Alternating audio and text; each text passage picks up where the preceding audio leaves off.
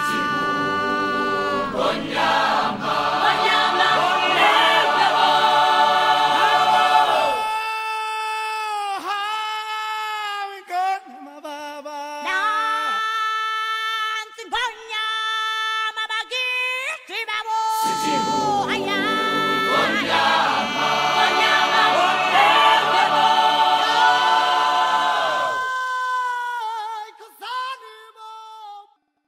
ברוכים הבאות וברוכות הבאים, לשידור הפודקאסט של גליסנדו ו...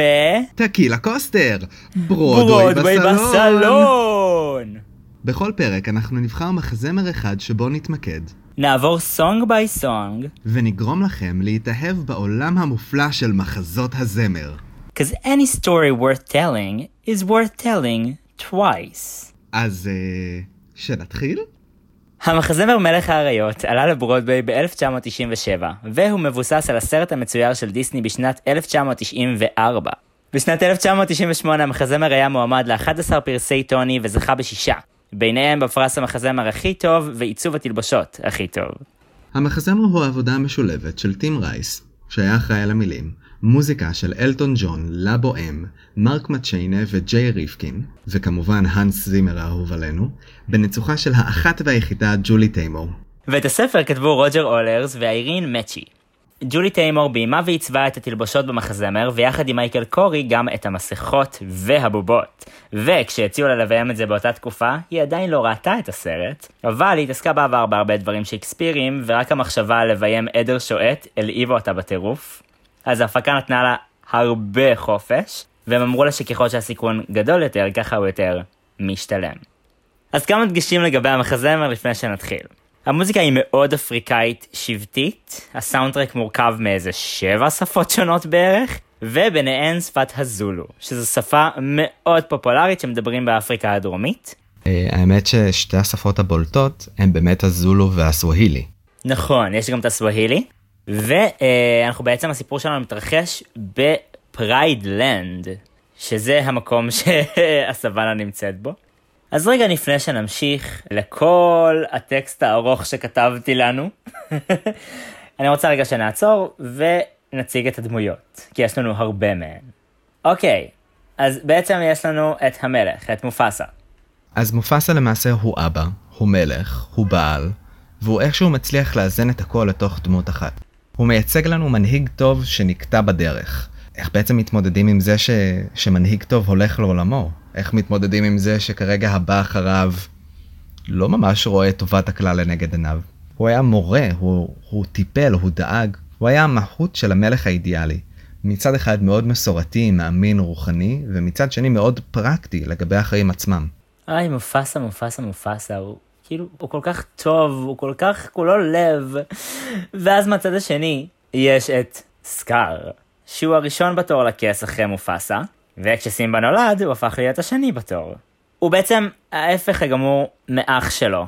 גם כמובן אנחנו רואים את השינוי הפיזי ביניהם, שמופסה מאוד יותר מואר כזה ומאוד אצילי, וסקאר גם יש לו צלקת על העין, מאוד פואטי, הוא הרבה יותר אפל וקודר, והעיניים שלו גם ירוקות, שזה מאוד רעיל קצת, מאוד green with envy, הוא מאוד מקנא. מה שלא אמרנו, זה שסקאר ומופסה הם בעצם אחים. ואנחנו יכולים לראות את היריבות הזאת בין האחים.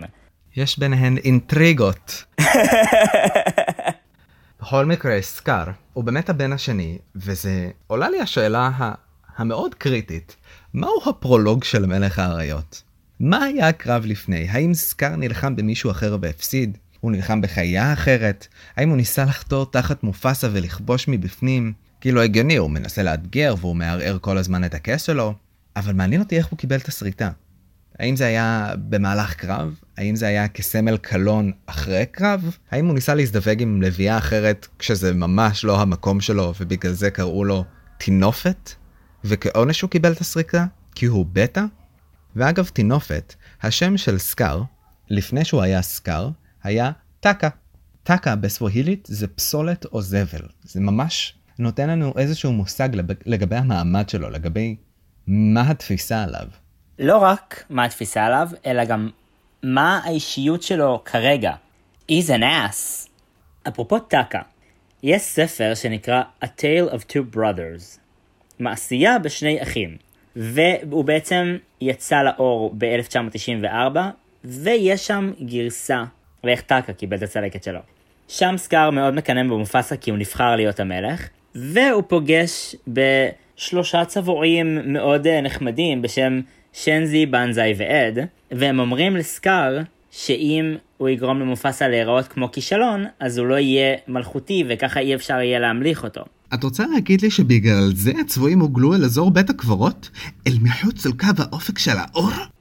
האמת שאין לי מושג, אבל אחלה, אחלה, אחלה של סאבטקסט. זה לחלוטין משתלב עם זה, כאילו עם, עם השנאה של הצבועים אל מופסה באופן ספציפי גם. זה ממש מתיישב פתאום. את צודקת. אני יודעת שאני צודקת. אז מה שקורה זה שטאקה בעצם עובד על האח שלו על מופסה, והוא אומר לו לך ל water hole, ש water hole זה... בור המים. זהו, זה אזור המים של פריידלנד, שזה איפה שאנחנו נמצאים. ויש שם תאו שנקרא בומה, שהוא מסרב לחלוק את המים עם שאר הפריידלנד, שבאותו זמן הייתה להם מאוד מאוד מאוד בצורת חריפה. וכשמופסה מגיע לשם, הוא מנסה להגיע לאיזשהו שיח הגיוני עם בומה, ואז טאקה מגיע, שואג על בומה שמלך האריות החליט שאתה עכשיו הולך, או שאתה נלחם במופסה, תחליט. ואז בומה אומר, אוקיי, אני נלחם במופסה, הוא פשוט מסתער עליו. ומופסה בעצם בורח בעזרת קוף מנדריל בשם רפיקי, ובומה, התאו, הולך אחרי סקאר. מופסה חוזר חזרה כדי למצוא את סקאר, והוא רואה שהוא בעצם מותקף.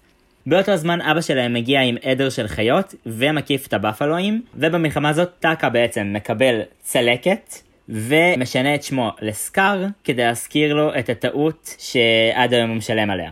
איזה מדליק! אני לא הכרתי את זה בכלל. וואי, לגמרי. אז בינתיים יש לנו את שני האחים, מופסה וסקאר. ויש לנו את זזו. זזו בעצם ציפור מסוג hornbill, שאין לי מושג איך אומרים אותה בעברית, והוא מלווה את המשפחה, את משפחת המלוכה, הוא בעצם מייעץ להם, הוא דואג מאוד לסימבה, אם כי הוא קצת הבייביסיטר שלו ולא בא לו להיות הבייביסיטר של סימבה, וגם לסימבה לא כזה בא שהוא יהיה שם, כי הוא כזה המבוגר האחראי שכל הזמן מוריד אותו וכזה אסור לך ואתה לא יכול ומסוכן פה ומסוכן שם וכאילו תעזוב אותי בשקט, תן לי להיות ילד, לא. בעיקרון הוא מאוד מאוד אוהב את סימבה והוא כן דואג לו ומנסה לעזור לו להיות מי שהוא אמור להיות. הוא מכין אותו לעתיד, מה שנקרא. פאנפקט, הבובה של זזו בנויה בעצם מחומרים שונים. המקור שלה עשוי מסיבי פחמן, והגוף עצמו עטוף נוצה נוצה שבאמת חיברו אותה אחת אחת כדי ליצור את המראה החלק והאלגנטי שאנחנו מקבלים של הבובה. בנוסף, יש לנו כאן מכניקה לבובה הזאת. הוא יכול לפתוח את הפה, הוא יכול להסיט את העיניים, הוא יכול לגלגל עיניים, ובנוסף הוא גם יכול לנפנף בכנפיים שלו. שאנחנו מדברים כאן על, על שני מטות שהם די מאתגרים את השחקן, הם לא הקלו על השחקנים בשום צורה. יותר מזה אני אגיד לך, יש לו סצנה אחת שאנחנו נגיע אליה בהמשך, אבל הוא פותח את הגרון, הגרון שלו עולה ממש גבוה. כן, הוא ממש מותח אותו. זה כמו הבובות על המקל, שהצוואר שלהם מקוצץ ונכנס בתוך החרוט הזה או הקונוס פנימה, ואז כשמעלים את המקל למעלה, אז פתאום זה כזה, מקבלים את ההתרוממות ראש מעלה. כן!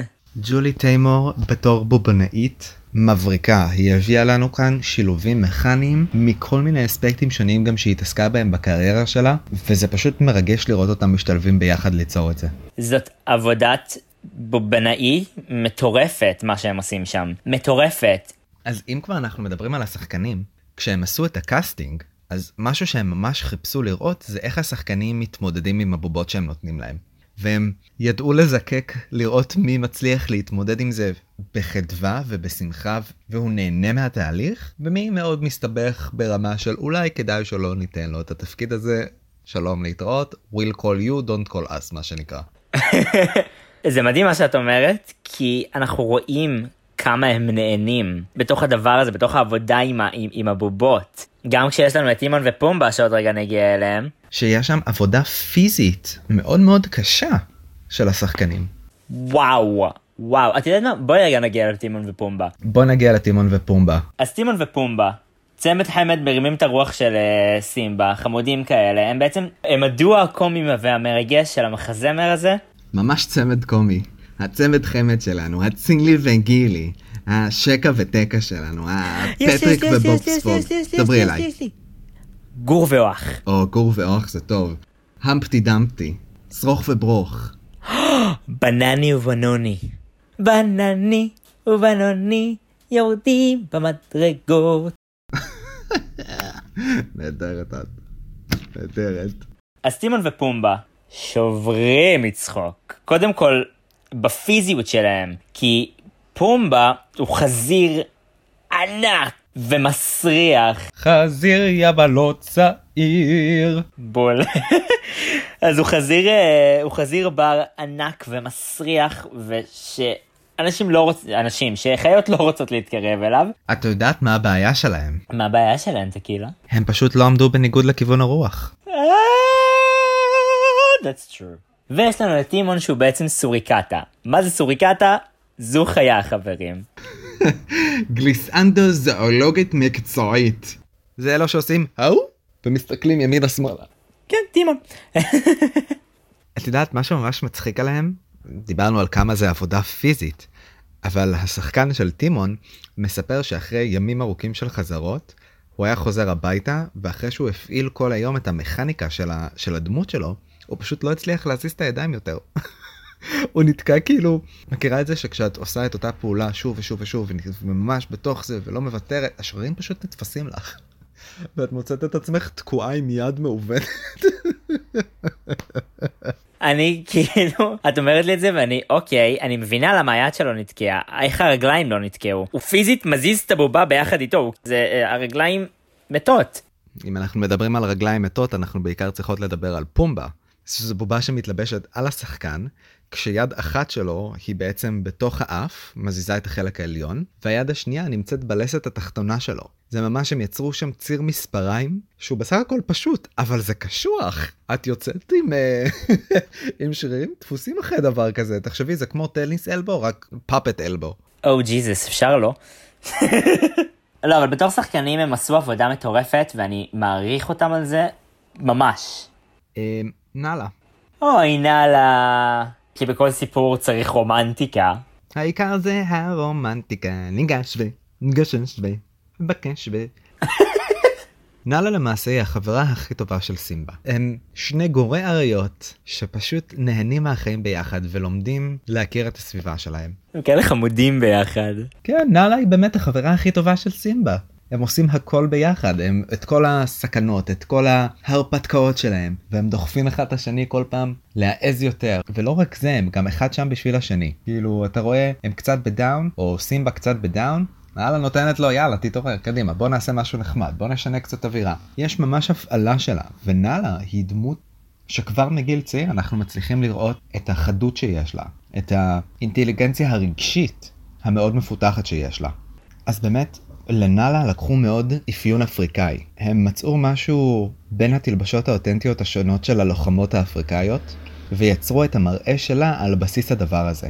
וכל המכוך שלה, From top to bottom, From bottom to top, מחורז לחלוטין. באמת, אין שכבה ואין נקודה ריקה שם. הכל עשוי חרוזים חרוזים בעבודת יד היסטרית. בדגרדה כזה של צבעי אדמה, משהו משגע. נאלה לדעתי היא המלכה האמיתית. היא רואה מה קורה בארץ שלה, במיוחד בהנהגת סקאר. היא מבינה שהיא צריכה להתבגר ושזה באחריותה לדאוג למעשה למי שנשאר מאחורה. בואי, בסופו של דבר היא עדיין, היא מאמינה שסימבה מת. שאין מישהו אחר שיוכל לקחת את האחריות על, על המשפחה שלה, על, ה, על השבט שלה, על הקהילה שלה. וכל מה שהיא עושה, היא עושה, היא עושה את זה בפן חיובי, מתוך מחשבה ל, ללעשות טוב. ובסוף השיר שלה, שדולנד, היא חוזרת על שלוש מילים שוב ושוב ושוב. כי סבו יבוא, שזה אומר אני עוד אחזור. והיא חוזרת כי סבו יבוא, כי סבו יבוא. ממש תחושת המסירות שלה לקהילה היא משהו מרומם נפש. אי אפשר להתעלם מהנוכחות שלה בתוך הסיפור הזה. היא בעיניי גם דמות ש... שמניעה.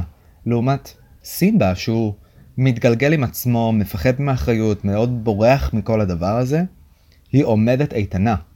ואם כבר דיברת על סימבה, רוצה לספר לנו רגע קצת על סימבה? סימבה הוא כלום וכלום.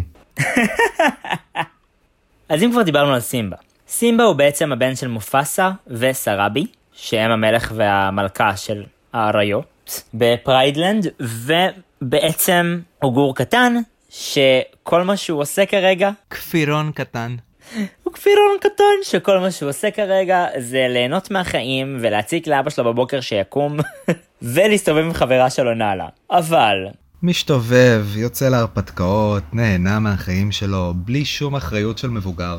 כילד ילד, התמימות של ילד. וזאת בדיוק הבעיה. זה לא רק שאין אחריות של מבוגר, הוא גם לא מקשיב למבוגרים. אז לאלו מכן שלא מכירות, טקילה עכשיו הולכת אה, לפצוח בתקציר המחזמר ואני אצטרף אליה מתישהו כשיהיה לי מה להפריע. טקילה, הבמה שלך. אז כשהשמש מפציעה על פריידלנד, רפיקי מכריז כי נולד יורש למלך מופסה ולמלכה סראבי. אבל לא הכל זורח. סקאר, אחיו של מופסה, רואה שיש יורש עצר חדש, ושהוא מתרחק מהכתר הנחשק. הוא מחכה להזדמנות בצללים. סימבה גדל והופך לכפיר צעיר ואנרגטי. הוא מתחיל להכיר את השטחים ואת משמעות מעגל החיים מאבא שלו. בנוסף לכל ההרפתקאות, הוא נחשף לסכנות האורבות מעבר לקו האופק, מה שרק מדליק את ניצוצי הדמיון של הגור הצעיר. סקאר מספר לו בערמומיות יתרה על בית קברות לפילים שנמצא מעבר למקום בו האור של פריידלנד זורח. סימבה, ביחד עם נאלה, החברה הכי טובה שלו, מתחמקים מהבייביסיטר שלהם זזו, שהוא יועץ המלך, ומגיעים אל בית הקברות. שם הם מותקפים על ידי הצבועים שסקאר שיסע בהם. שאנזי, בנזאי ו... עד. אך אל דאגה, הם ניצלים בעזרתו של אבא מופסה. סקאר מתחיל לרקום את המזימה הבאה שלו כדי לרשת את הכס. בעזרת הצבועים, הוא גורם למנוסה של תאואים, יעני תאו, יעני כזה כמו בפלו באמריקה, רק באפריקה, אל הגיא שסימבה נמצא בו. סקאר רץ לקרוא למופסה, שלא מבזבז רגע ויוצא להציל את סימבה. אחרי שהוא מצליח להוציא את סימבה מהאזור ההומה, הוא נדחף חזרה על ידי סקאר ומת. סימבה, אכול האשמה, בעיקר כי סקאר אומר לו שזה היה אשמתו, מחליט לברוח ומפנה לסקאר את הדרך לשלטון. סקאר משלח אליו את הצבועים כדי שיהרגו אותו, אבל הוא מצליח להתחמק מהם והם קצת עצלנים כדי לרדוף אחריו, אז מספרים לסקאר שהם טיפלו בבעיה, ומבחינתם אם סימבה חוזר, הם יהרגו אותו.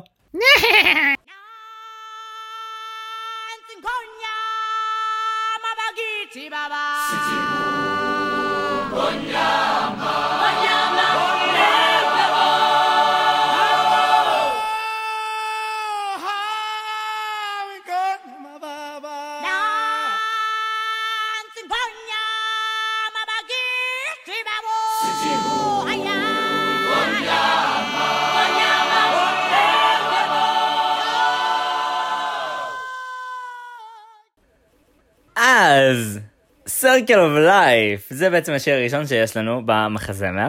והשיר נפתח עם רפיקי, שהוא קוף מנדריל. האמת שפה הוא קופה, כי ג'ולי אמרה כזה, hmm, אין תפקיד ראשי נשי בסרט באמת, אז בואו נעשה אחד כזה במחזמר, מלכה. אה, זה פשוט שינתה את- המין של רפיקי מזכר לנקבה. במחזמר אנחנו מקבלות קצת יותר רפיקי. היא קיבלה משהו יותר רוחני, מעין סוג של כהנת. משהו שבתרבות האפריקאית נקרא סן גומה. סן גומה זה מישהי שמפרשת דברים מהעבר, יכולה לראות את העתיד, להדריך ולרפא את הקהילה, מבחינה דתית ורוחנית. היא מתקשרת עם המלאכים שבשמיים, יש לה חיבור לגלגל החיים והטבע שמסביב, עד רמת להקשיב לכל רכש של נמלה, כדי להבין למעשה מה קורה בעולם הגדול. היא מקשיבה לרוח, והרוח היא סמל איתן טבע, למשהו שמחזיק בתוכו את כל האינפורמציה של העולם. בתור סנגומה, היא עוזרת להם להבין שזה שהם איבדו כרגע מישהו יקר, לא אומר שאין להם יותר שיח איתו. בעזרתה בעצם אפשר לתקשר איתו על העבר, על העתיד וכן הלאה. אנחנו ממש מקבלים תחושה שהיא סטורי טלר, ובזכותה אנחנו מצליחים לחוות את זה ממש כמו משהו מסביב למדורה, משהו מאוד שבטי, מאוד אגדתי, האגדה על מלך האריות. אם אין סוג של בשוגע השבט. לא תמיד מבינים מה היא בוחרת לשתף או מה היא אומרת, אבל בסוף אנחנו רואים ש... שהחלק של הפאזל מתחבר. היא עוזרת לסימבה ופותחת לו את העיניים למה שהוא צריך לעשות ואיך הוא צריך להתנהג. והשחקנית היא תמיד תהיה אפריקאית. תמיד תמיד תמיד. בכל קאסט שאי פעם יצא, השחקנית של רפיקי היא אפריקאית אותנטית. מה זאת אומרת? מה זאת אומרת? מה זאת אומרת? למעשה חוץ משלושה שחקנים, כל הקאסט הם אפריקאים. אפריקאים אמריקאים, אפריקאים מאפריקה או וריאציה כזאת או אחרת, והם באמת עשו מחקר מעמיק להבין את התרבות הזאת בצורה שהיא גם מכבדת וגם מפרגנת וגם נותנת טעימה אותנטית אה, בצורה מונגשת לקהל עצמו. ואני מבין את זה, כאילו, כשאני כל כך אוהבת משהו ורוצה להביע איתו, אני מרגישה מחויבות לעשות חסד, וחשוב להראות כבוד לדמות או לתרבות שבעצם היא מייצגת. אני מת על זה שהם אותנטיים, שהם לא לקחו את הרעיון שלהם לחברה אפריקאית ואמרו אוקיי בוא נעשה את זה על הבמה. הם באמת הלכו וחקרו את זה, זה פשוט It's a masterpiece and I love it. אז uh, השיר נפתח עם רפיקי שמברכת את המלך והאריה הקטן בשפת הזולו. אבל מה לעזאזל הם אומרים שם? או, oh, אנחנו פה בשבילכן. אז תקילה בתרגום חופשי. הנה בא אריה. אבא, הו כן, זה אריה. אנחנו הולכים לכבוש. אריה ונמר באים למקום הפתוח הזה. זהו. זה מה שזה אומר. Fun. לא באמת זה ממש מגניב אותי איך כילדים אנחנו מאוד זוכרים את זה בתור משהו מאוד מאוד כזה קסום ו... ושתי השורות האלה מביאות בך איזשהו בוסט כזה של אנרגיה וכזה oh my god oh ואז בעצם זה מה שזה אומר. הנה בא אריה. זהו. זה, זה הכל. אז אנחנו מתחילים עם רפיקי כשעוד אפלולי בחוץ ואז השמש מתחילה לאט לאט לזרוח ואנחנו מדברים כרגע על מופע סינכרוני בין מוטות עץ עם בד לקרוב לאלף פנסי תאורה שעובדים בסינכרון משולב ביחד כדי ליצור לנו את התחושה של הזריחה. רגע, אלף? יש לנו מעל לאלף פנסי תאורה שנמצאים להפקה הזאת. פייר, אני לא בטוחה כמה מהם היו באמת שייכים רק לשמש, אבל ההפקה עצמה כוללת אלף פנסי תאורה, שבהפקה רגילה יש לנו אולי בלחץ כמה מאות. אני בהלם. אוקיי, okay, אני רוצה לדבר על Pride Rock. על המדרגות המסתובבות שעולות מעלה ויוצרים לנו את האשליה כאילו אנחנו עומדים מתחת לסלע עצום. לחדות יש טקסטורה על האבן. כאילו הם יצרו משחק מאוד מעניין עם הצורה של תפרי האריה, כביכול, שנעוצים באבן או, או בעץ או משהו, והם ממש יצרו מזה מעין חותמת שחוזרת לכל האורך של הסלע, שכשבמבט מרוחק, אתה לא ממש רואה את התפרים עצמם, אבל אתה מקבל את התחושה של הסלעים, של הסלעיות הזאת. וזה באמת משהו שאפשר למצוא לכל אורך המופע את זה. זה היסטריה, אני פשוט מתה על זה שאנשים שוזרים את הגאונות שלהם, סליחה, הם לא שוזרים את הגאונות, הם פשוט גאונים. ואז אתה רואה את הגאונות הזאת דרך העבודה שלהם, ודרך הדיטיילס הכל כך כל כך ספציפיים, ואיך שזה הופך להיות מדיטיילס של תלבשות, ודיטיילס של תפאורה, ומשחק ובימוי להפקה אחת שלמה שהיא פשוט זכתה במחזמר הכי טוב מסיבה מסוימת. היא מדהימה. אני רוצה להתייחס ל, ל, לאריה עצמו. הרי תרגמנו לכם קודם, הנה בא אריה, הנה בא זה, אבל גם למילה אריה יש כפל משמעות בשפה הסווהילית. המשמעות של המילה היא אריה ומלך. אין כאן מילים נרדפות כמו שעכשיו אני אגיד אח שהוא גם brother והוא גם nurse והוא גם fireplace. זה ממש כאילו אותה מילה, המשמעות של המילה היא אריה ומלך במקביל. זאת אומרת ש... אריה שווה מלך. אריה שווה מלך, ומלך שווה אריה. כאילו ה image של האריה עם המלוכה השתלב ביחד כבר בשפה שם. אוי, זה מסקרן בטירוף. איך את תמיד יודעת לשלוף כאלה את הפניני אה, חוכמה? מה זאת אומרת? מהבית. אני חנונית רצח של מחזות זמר. זאת אני. זאת אני, אם אתה לא יודע. לא משנה. next. אה, ואז חיות מתחילות להופיע. יש לנו ג'ירפות, זברות, אנטילופות, ויש לנו את המדרגות שמובילות לקהל, וכמה חיות מתחילות לעלות לשם. עכשיו, זה לא רק כמה חיות, יש פיל ענק שפשוט מפלס את דרכו דרך המדרגות האלה לתוך הבמה, ובמקביל לטרפת של כל הדבר הזה, נכנס צוק לתוך הבמה שמתחיל לזוז. Pride Rock. והוא מסתובב לאורך כל הבמה לאט לאט, משפחת המלוכה עולה עליו, וכל החיות נשארות למטה ומשתחוות. עכשיו בואי רגע נדבר על המכניקה של החיות ועל הנראות שלהן. כי אימא'לה התלבושות כאן, וואו. וואו וואו, אימא'לה ואבא'לה. זה כל כך אמיתי. הדרך שבה האנטילופות זזות, זה נראה כמו בסרט. רק שפה יש להם אנטילופות גם על הראש וגם על הידיים. וואט? איך הם עשו את זה? או, oh, טוב ששאלת. בואי נדבר תלבושות. בגלל זה שאלתי אותך, ממי, אני יודעת למי לפנות. אז בואי נשב ונדבר מסכות. המסכות האלה הן מסכות ענק, והן צריכות להיות קלות, אז איך עושים דבר כזה? אני אגיד לך איך עושים דבר כזה. אז בעצם הם משתמשים בחומר שנקרא בלזה, שזה סוג של עץ שאפשר ממש לחרוץ בו וליצור צורות בצורה מאוד מאוד קלה ואינסטינקטיבית.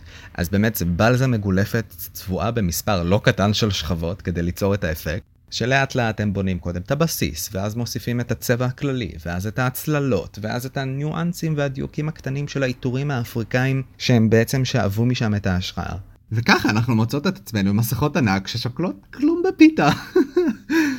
אז המסכה של מופסה במקור הייתה אמורה להיות משהו שמכסה את כל הפנים, לא עכשיו רק משהו שעל הראש. וזאת הייתה אמורה להיות מסכה מסיבית שיכולה להזיז את העיניים, את הפה, ממש תקשורתית. ואז כשהם ראו את זה בחזרות על הבמה, הם פשוט הבינו ש... שהם יצרו משהו קסום מדי. משהו שיותר מדי מסיח את דעת הקהל ממה שהם רוצים שהם יתפקסו באותו רגע, במלל המאוד משמעותי שהוא מדבר עליו. והמסכות האחרות כאילו הם קצת יותר במרכאות כפולות סטנדרטיות, כי שום דבר לא סטנדרטי שם. אז הן יושבות על הראש עם בסיס כזה של כובע בנאים, שאתה יכול לכוונן אותו מאחורה. זה פסיכי. אבל מה עם המסכה של סקאר? אז המסכה של סקאר היא בנויה באותו אופן בדיוק. יש לה ציר שיכול לנוע למעלה ולמטה, ואז בעצם השחקן יכול להניע את הראש שלו ביחד עם הראש של סקאר למעלה. ואנחנו ממש מקבלים את התנועה המסונכרנת והמשולבת בין שניהם. ואם כבר אנחנו מדברים גם על בובות, אז יש לנו, רוצה להגיד, שלוש בובות שונות של סימבה, ועוד שני שחקנים שמשחקים את סימבה. יש לנו את בובת סימבת התינוק, בובת יד שאפשר קצת להניע אותה. יש לנו את הבובות צללים של סימבה, של מופסה, שאנחנו רואים אותם בעצם רצים וזזים. ויש לנו בובות מוט, שבובות מוט יש לנו למשל בסצנה כשאנחנו רואים את מופסה וסימבה רצים ביחד בסוואנה בין הדשאים השונים, אז אנחנו רואים אותם, אה, את הבובות למעלה מרחפות קצת על הדשא.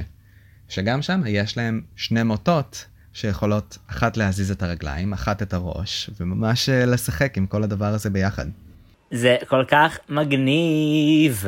בהחלט, בהחלט. אוקיי, אז אנחנו נחזור למעגל החיים ונסיים אותו. נו שוין אם את מתעקשת. ואז הם בעצם מציגים את סימבה כצאצא של משפחת המלוכה.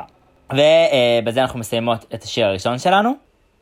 אז אנחנו אחרי Circle of Life, ואנחנו רואות צל של עכבר מאחורי הווילון, מתקדם לו כזה לאט לאט, ויש לנו את סקאר שמחכה לצוד אותו.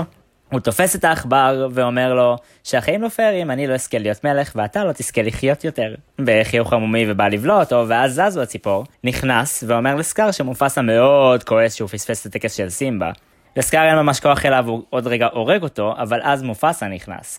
ואז סקאר אומר לו, הופה, ירדת לעם יא סנוב? מה קורה? לא הבנתי. דאם. מופסה אומר לסקאר שהוא לא ראה אותו בטקס הצגה של סימבה, ואז סקאר מיתמם, וטוען שהוא שכח שזה היום, ברח לו מהראש פתאום, וזה אז הוא מפציר בו שבתור האח של המלך, הוא היה אמור להיות first in line. בהכתרה, שיש לנו כאן דו משמעות. כי זה הוא מתכוון שסקאר היה צריך להראות נוכחות ראשון מבין כולם, וסקאר משיב לו בתגובה, I was first in line. והכוונה לזה שלפני שסימבה נולד, סקאר היה הראשון לרשת את הכתר אחרי שמופסה ימות. או בספרדית, מושה טה טה טה טה טה טה טה טה טה בצרפתית, מושה ז'ה ז'ה ז'ה ז'ה ז'ה סקרה בלה. מה, מה, מה אני עשיתי רע? מה, מה, למה, למה זה מגיע לי? למה? זה בשביל אלי, למה כל הסבל הזה? למה? למה? אז קורית איזושהי מריבה קטנה בין uh, מופסה וס, וסקאר, אבל סקאר לא באמת מעז לקרוא תיגר על המלכות של מופסה. הוא אומר שהוא קיבל את, התוכ... את החוכמה, ומופסה קיבל את הכוח. וול, well, אני חושבת שגם את היופי. ואולי גם את האופי. אנחנו בעצם רואים גם את היריבות המאוד חזקה בין האחים, ואת האישיות המאוד מאוד דומיננטית של שניהם, וכמה הם מתנגשים בעצם אחד עם השני. מכאן אנחנו עוברות אל Grasslands Chant, שאומנם השיר הזה לא מופיע בסרט, אבל במיוזיקל הוא מביא כל כך הרבה רוח.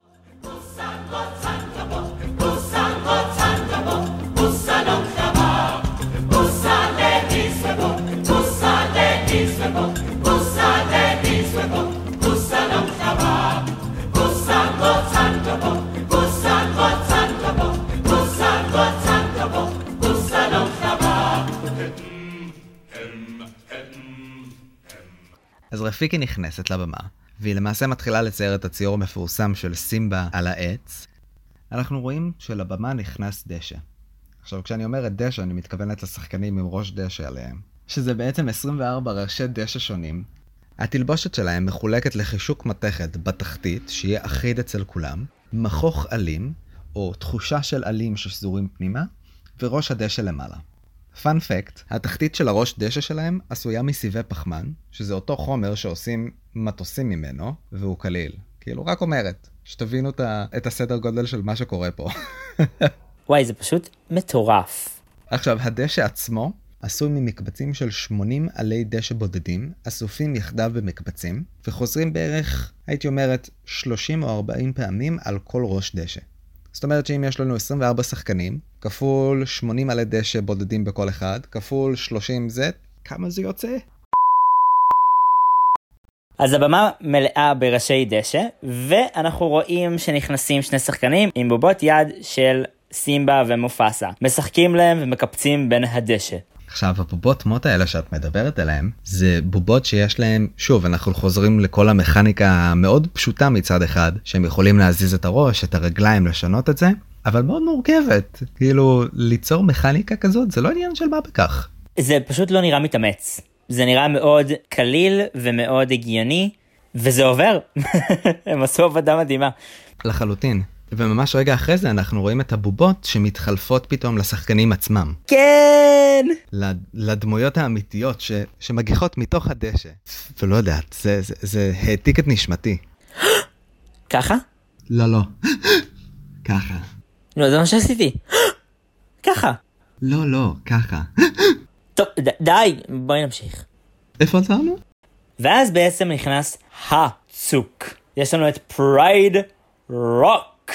אז בעצם ה Pride Rock, שזה צוק ענקי, נכנס ומופסה וסימבה עולים עליו, ואז מופסה עומד על קצה הצוק, מראה לסימבה, אתה רואה בני? יום יבוא וכל זה יהיה שלך. אפרופו מעגל החיים. אז בעצם הסלע העצום הזה זה למעשה מדרגות נאות שעולות לבמה בסיבוב. אה, זה בדיוק אותו סלע שדיברנו עליו קודם, עם אותה טקסטורה שדיברנו עליה קודם, של התפרים. ואגב, פאנ פקט, במאחורי הקלעים כזה ראיתי את השחקנים כשהם עושים את החזרות, איך מתמודדים עם במה שמסתובבת ועולה או יורדת בזמן תנועה. כאילו זה, זה נראה הגיוני ופשוט, אבל פתאום רגע צריך להכווין את הגוף להליכה מסוג אחר. וזה קצת מאתגר, הם הסבירו את זה ש, שזה מרגיש כמו כשאת עולה על מדרגות נאות, שאת עומדת רגע ואז את מרגישה את התנועה ופתאום מבינה אוקיי אז זה הצעד הבא שאני יכולה לעשות, זה הקצב שלי, ופתאום, ככל שהם עושים את זה יותר ויותר, אז זה ממש נהיה קליל. הם פשוט מסגלים את צורת ההליכה הזאת. זה הופך להיות uh, הטבע השני שלך, זה קצת כמו ריקוד, שככל שאת בעצם מטמיעה בעצמך את התנועות, את כבר לא צריכה לחשוב עליהן, פשוט יוצאות בשנייה שאת שומעת המוזיקה. אוטומטי. כן. מה שנקרא muscle memory. זיכרון שריר. בדיוק. אז בעצם דיברנו בהתחלה על מעגל החיים ועל השמש, ומופסה אומר לו, תראה, איפה שהשמש זורחת זה בעצם הממלכה שלנו, זה יהיה שלך.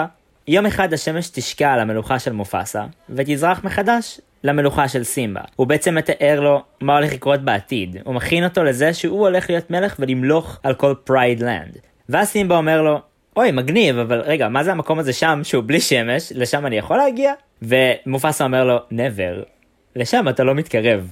ואגב, אם אנחנו כבר מדברות על, אה, על השיר הזה, דיברנו על שפות, על כל השפות שמוזכרות לנו כאן ב, בתוך ה musical עצמו, אז באמת בשיר הזה אנחנו רואים הרבה משפת הזולו. ומה באמת, אה, מה באמת המשמעות של, ה, של מה שאנחנו שומעים כאן ברקע?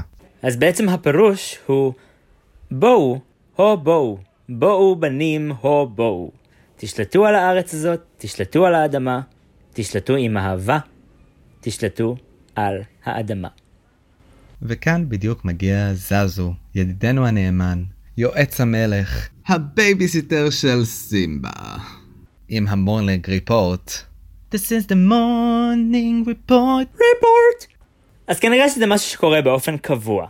זזו מתחיל לשיר ולהתחנף למופסה, ועם כמה שהוא חנפן, הוא דמות קומית קורעת מצחוק, והוא כל כך סוחף איתו שאתה פשוט באמת חייב לרקוד.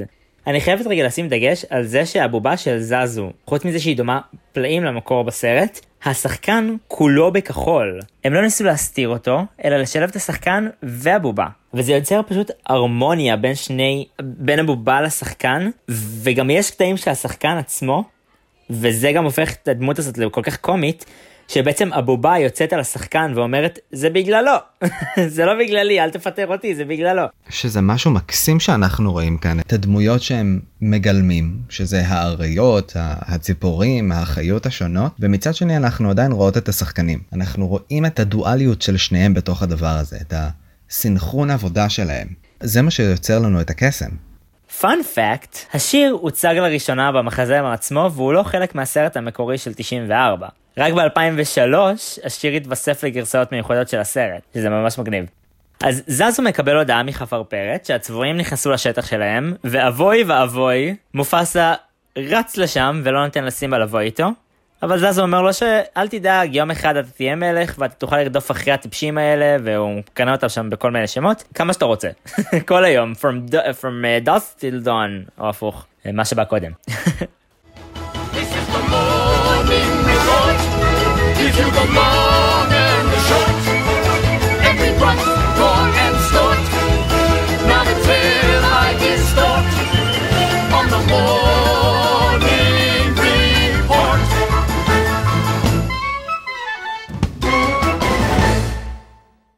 אנחנו עוברות סצנה ואנחנו רואות את סימבה מגיע לבקר את סקאר. דוד סקאר, דוד סקאר.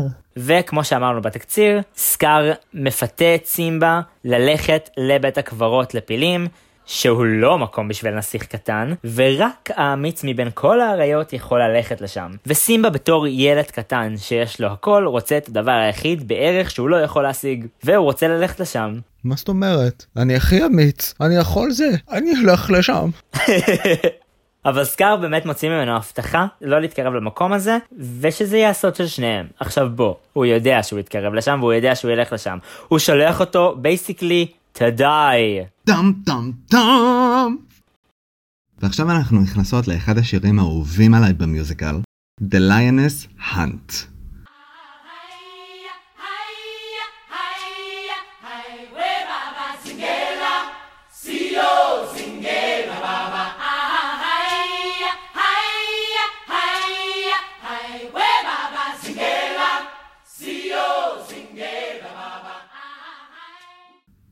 עכשיו נמצאות בצייד של הלוויות. וגם לפה הבאנו לכם פירוש לשיר. אז טקילה? תודה גליס. היי אבא, אנחנו הולכות לצוד. התקדמו, אנחנו הולכות לצוד. קחו את זה, התקדמו אל עבר הניצחון. בין כל הלוויות צועדת לה נאלה. ממש אותה הנאלה שדיברנו עליה קודם. וכשהיא ככה מתכוננת לציד, סימבה נדחף ולוחש לה, יו, נאלה, יש מקום חדש ומדליק שאני בית לקחת אותך אליו. מה את אומרת, אולי נברח? הלוויות מה זה מסוקרנות, לא מבינות מה קורה, וגם אמא של סימבה ביניהן, סראבי, המלכה. אז מה שהוא עושה זה הוא קצת מסתיר את האמת, מה שנקרא. הוא אומר לה, אנחנו הולכים לווטר הול, ומסמן לנאלה בקריצה כזה שהוא מחרטט קלות. קולטת את העניין, ואז כזה היא אומרת לאמא, יא אמא אפשר ללכת גם? ואז אמא שלה לא יודעת, צריך לשאול את המלכה. סרבי סרבי, מה את אומרת? אולי ניתן להם ללכת? סרבי אומרת, סבבה, יאללה, שילכו, אבל אני מביאה להם את זזו. או, זה חשוב. זזו צריך ללכת כדי לפקח. ומפה אנחנו מגיעות ל... Oh, I just can't wait to be king. נאלה שהצטרפה לסימבה שואלת אותו ממש בשקט בלי שזזו ישמע תגיד בינינו לאן אנחנו באמת הולכים עכשיו? וסימבה עונה לה בית קברות לפילים אז באמת עכשיו אנחנו רואים שיש לנו עוד סוג של דשא. בנוסף לדשא על ראש השחקנים יש לנו גם דשא שהוא רץ על מסילות. והעובדה שהוא רץ על מסילות בזמנים מתוזמנים דרך מחשב אגב נותן לנו את התחושה שסימבה ונאלה רצים בסוואנה. פאנפקט על השמירה הזאת, כשהם מסיימים כל הצגה, או כל פעם כשהם מסיימים את החלק עם הדשא, הם שומרים את כל הדשא שלהם. ההדפיס של הדשא והדשא שרץ על המסלולים, הם תולים אותו בלילה הפוך. וואט? למה? למה הם תולים אותו הפוך בלילה? כדי שלא יהיה מצב שהרצועות, שבעצם העלים של הדשא, יתקפלו ויפלו לצדדים. אז הם תולים את זה הפוך כדי שכל הזמן כוח המשיכה ימשוך את זה למטה ויהיה ישר. אני מת עליהם, הם פשוט fucking גאונים. אז אז הוא רואה את השניים מתחברים ואת זרעי הרומנטיקה ביניהם והוא מאושר עד הגג. הוא אומר שההורים של השניים ישמחו ממש, והוא אומר להם כזה, היי, מתי אתם מתחתנים? ואז סימבה ונאלה עושים כזה, מה? מה אתה רוצה? זה בחיים לא יקרה, אנחנו חברים טובים וזה מוזר מדי, וכאילו, לך מפה. אבל זזו מצד שני אומר להם, חברים, זאת מסורת של שנים, מה זאת אומרת? ההורים שלכם מראש ייעדו אתכם להיות ביחד. אין לכם ברירה. וואי, לפעמים כאילו מסורות יכולות להיות מה זה מקובעות. מסורת, מסורת. אז לשניים נמאס מזעזוע והם בורחים ממנו. הם תופסים טרמפ על בת יענה, עכשיו, בסרט אמרתי סבבה, מה, תפסו טרמפ על בת יענה, אבל על הבמה, אימא. הבובות האלה ענקיות, הן גדולות, הן יפות בטירוף, וזה נראה היסטרי, ואז השיר שלנו מתחיל.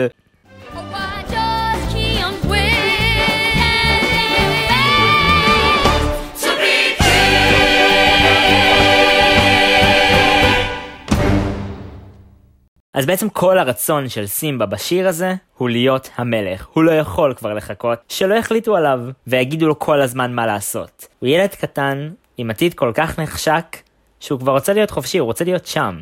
אבל אם דיברנו על גורל, careful what you wish for, darling.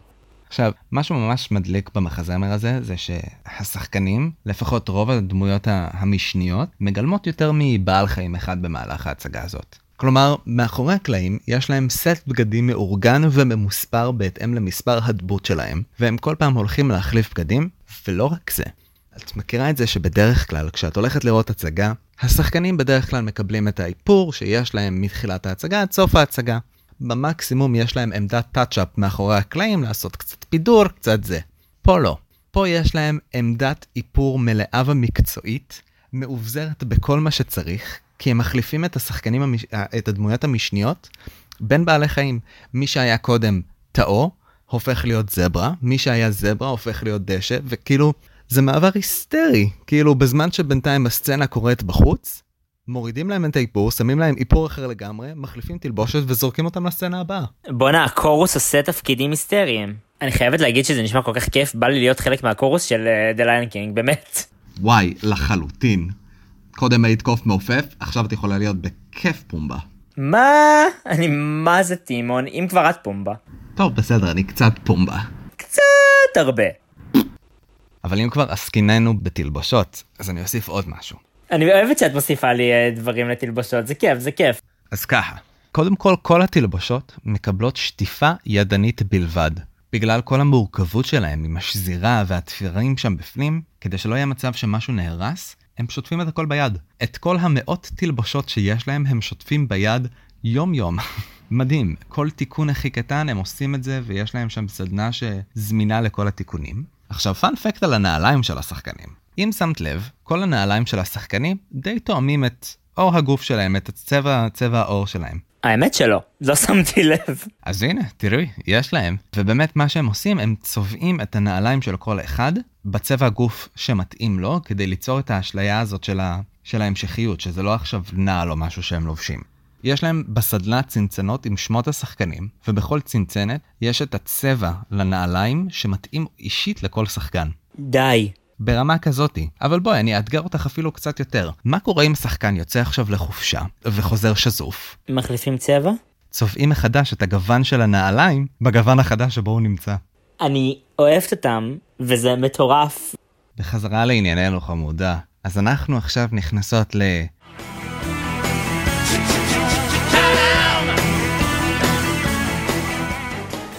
אז סימבה ונאלה למעשה בורחים מזזו ומגיעים אל תוך בית הקברות לפילים. או-או. בית הקברות לפילים זה לא עכשיו הג'ימבורי. אין פה עכשיו מתקנים מדליקים כאלה של הכל נעים ו- ויפיוף וצבעוני. אנחנו רואים שם עצמות של פילים. אנחנו רואים על הבמה גייזרים של עשן שעולים ומפחידים את נאלה וסימבה, ולאט לאט מגלים גם שלד ענקי של פיל גדול מאחוריהם. זזו מתפרץ, מגיע פתאום משום מקום, כאילו למה עקבת אחרינו, תפסיק כבר. אבל הוא אומר להם שהם בסכנה, וסימבה בגבורה, תמימות וטיפשות, כי הוא ילד קטן, אומר לו שהוא לא מפחד בכלל. שלושת הצבועים שלנו, שאנזי, בונזאי ועד מגיעים ומקיפים אותם. שאנזי מזהה את זזו בתור הציפור המלכותית, או בתור היועץ המלכותי, והם מסיקים מכך שהאריה הקטן שעומד מולם הוא לא אחר מאשר סימבה. והסימבה, החמוד הקטן, חוזר על הדברים שזזו אמר לו קודם על הצבועים. הם מריירים, מטונפים, טיפשים.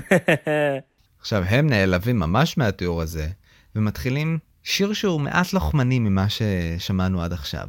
הם מוצאים את זה גס רוח, שמישהו שכל כך אכיל מעז לדבר אליהם ככה. מי אתם שתדברו אליי? האוכל מדבר ומתלונן? לא הבנתי מה קורה פה. הם מצליחים להבריח את זזו ולהישאר רק עם נאלה וסימבה. הצבועים, שלא כל כך טיפשים כמו שחשבנו שהם, מצליחים להוביל את נאלה וסימבה אל גשר שעשוי כולו משלד של פיל, ולכודים אותם שם. ממש בין הפטיש לסדן מה שנקרא. אם כבר אמרת שהם לא כאלה טיפשים, אז באמת בסרט הצבועים מוצגים כיצורים אידיוטים, כמו שסקאר קורא להם, אבל פה הם הרבה יותר מתוחכמים ויש סיבה למעשים שלהם. באחת מהשורות ששנזי שרה לבנזאי, היא אומרת לו, זאת לא הייתה אימא שלה שאכלה את אבא שלך? ולאכול את ההורים שלנו גורם לנו לכעוס. רק כדי לסדר את המוח, שאנזי בעצם מאשימה את אימא של נאלה שהיא אכלה את אבא של בנזאי. זאת אומרת שיש פה איזה יריבות בין אריות וצבועים, ויש שם היסטוריה, וזו היסטוריה עמוקה והיא אפלה. כאילו, הורים שאוכלים הורים של חיות אחרות, נכון, זה הטבע, אבל קצת אפל, it's messed up. So is nature, messed up. אז הם קצת משתעשעים להם עם האוכל ומשחקי מילים כאלה ואחרים, ואז נאלה וסימבה כזה, אוקיי, תשארו פה, אנחנו בורחים. והם לא ממש שמים לב שהם בורחים להם מתחת לרגליים. בנזי שואל אם הם הזמינו את הארוחה to go, ושאנזי אומרת לו שלא. well, there it goes. ואז הגשר נחצה לשניים ומתחיל להסתובב, ויש מרדף בין הצבועים לנאלה וסימבה. בסופו של דבר הם מעקפים את סימבה ונאלה, והם כבר לא משועשעים מהסיטואציה יותר, הם רציניים והם מסוכנים עכשיו. הם מצליחים ללכוד את נאלה, וסימבה שואג שהיה גם מאוד מאוד קטנה ולא מאיימת. זה ממש חתול. ואז הצבעים מתפקעים מצחוק, ועושים לו כזה, תעשה את זה שוב פעם. ואז נשמע שאגה ממש חזקה, הם לרגע כזה לא מבינים מה קורה. ופתאום מופסה, שלימד בדיוק את סימבה קודם איך לזנק, מזנק על הצבועים. מופסה מחזיק כאן שתי חרבות בידיים. שזה מצחיק כי לא אמורות להיות לו ידיים, אבל זה כן עובד טוב בימתית כשהוא מאיים על שאנזי ובנזאי. שאגב, אם אנחנו מדברות כבר על העניין הזה של הידיים, אז מבחינה עיצובית, הם בחרו, הם בהתחלה חשבו האם צריך לעשות גם פוז, כאילו אה, כפות בשביל הדמויות. והם הגיעו להבנה שכל מה שהם צריכים זה זנב ואת ההדפיס העצום הזה שיש שם. אז הידיים שלהם והרגליים שלהם היו חופשיות לעשות את שאר הפעולות שבעצם הם התכנסו לעשות. במקרה הזה... להחזיק חרבות. אז הצבועים שלנו בעצם מפוחדים, משוקשקים, והם אומרים שהם לא ידעו שגור האריות הקטן הוא בעצם הבן של מופסה. That's a lie! That's a lie! ואז הם פשוט נסים על חייהם. מופסה סופר כועס על סימבה שהוא הפר את הפקודה שלו, וכולם כזה יוצאים משם. בדיוק באותו רגע, אור עולה גבוה על הגשר ואנחנו רואים את סקאר יוצא מבין הצללים. אנחנו יכולים להבין שהוא היה שם למשך כל הזמן הזה, ורק קיווה, הוא ממש קיווה שסימבה ימות. אבל אין מה לעשות, לפעמים החיים לא מתנהלים כמו שאתה רוצה, סקאר. אז באמת יש לנו אישור סופי לזה שהוא רוצה במוות של סימבה. הוא רוצה שהוא ימות והוא רוצה להיות הבא בתור לכתר. אבל יש לנו כאן עוד משהו שאנחנו נראה בעתיד. בעצם זה שהוא היה שם נותן לנו רמז לזה שהוא שולט על הצבועים. הוא בעצם the king of them. Back to Prideland, או בדרך חזרה ל Prideland, מופסה למעשה אומר לזזו שייקח את נאלה הביתה, ושהוא צריך כרגע לסגור פינה עם סימבה. Yikes! אז במחזמר אנחנו רואים אותו שם את החרבות בצד, מוריד בעצם את המסכה הענקית שלו. זה ממש כמו טקס. כן, ואנחנו נכנסים פתאום למשהו אישי. ממישהו שהוא מאיים וגדול ו- ומסיבי, והרגע הציל את חייהם, ו- וסימבה מתאר לעצמו שהוא מאוד מאוד כועס עליו. הוא מוריד רגע את הכל ומדבר איתו כמו נער צעיר שכבר מספיק בוגר כדי להבין שבנוסף לכל הכיף וההנאות שיש מהחיים, יש גם אחריות. לעצמו, לסובבים שלו למשפחה שלו, ובמקרה שלו, לכל הממלכה. הוא מכניס אותו לעולם הבוגרים מאוד מאוד מהר, יחסית לילד. כן, אבל הוא מכניס אותו לעולם, לעולם הבגרות, בגלל שכרגע הייתה סיטואציה.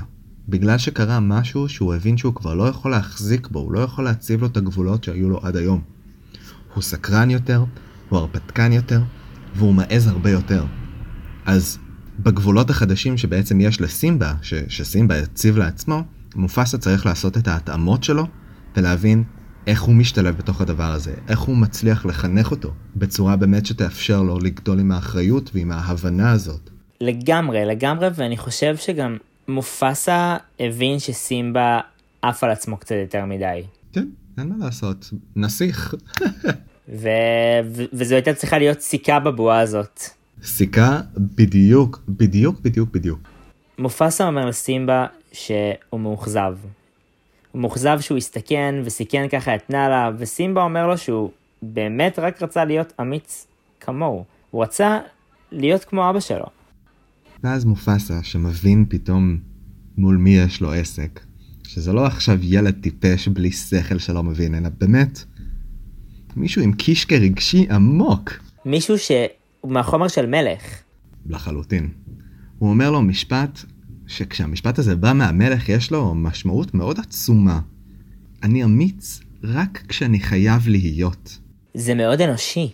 זה מאוד, זה לא רק אנושי, כאילו בוא נחשוב, כל מה שמלמדים אותך באומנויות לחימה, למשל. מלמדים אותך כוח, מלמדים אותך מיומנות, מלמדים אותך דרכים שבהם תוכל להגן על עצמך, מה שמקנה לך כוח מאוד מאוד גדול על רוב האנשים שלא מבינים מה הם עושים. ומתוך הכוח או המקום, במקרה של סימבה, התפקיד שהוא מיועד אליו, הוא צריך להבין שיש קרבות שהפתרון הוא לא קרב.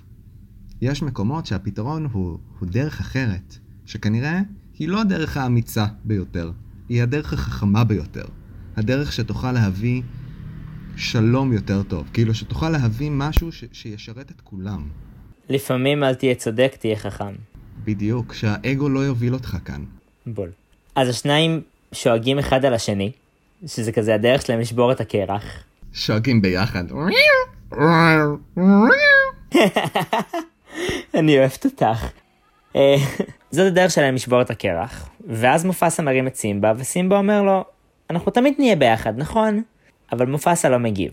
הוא מוריד את סימבה, ואז המוזיקה שלנו מתחילה.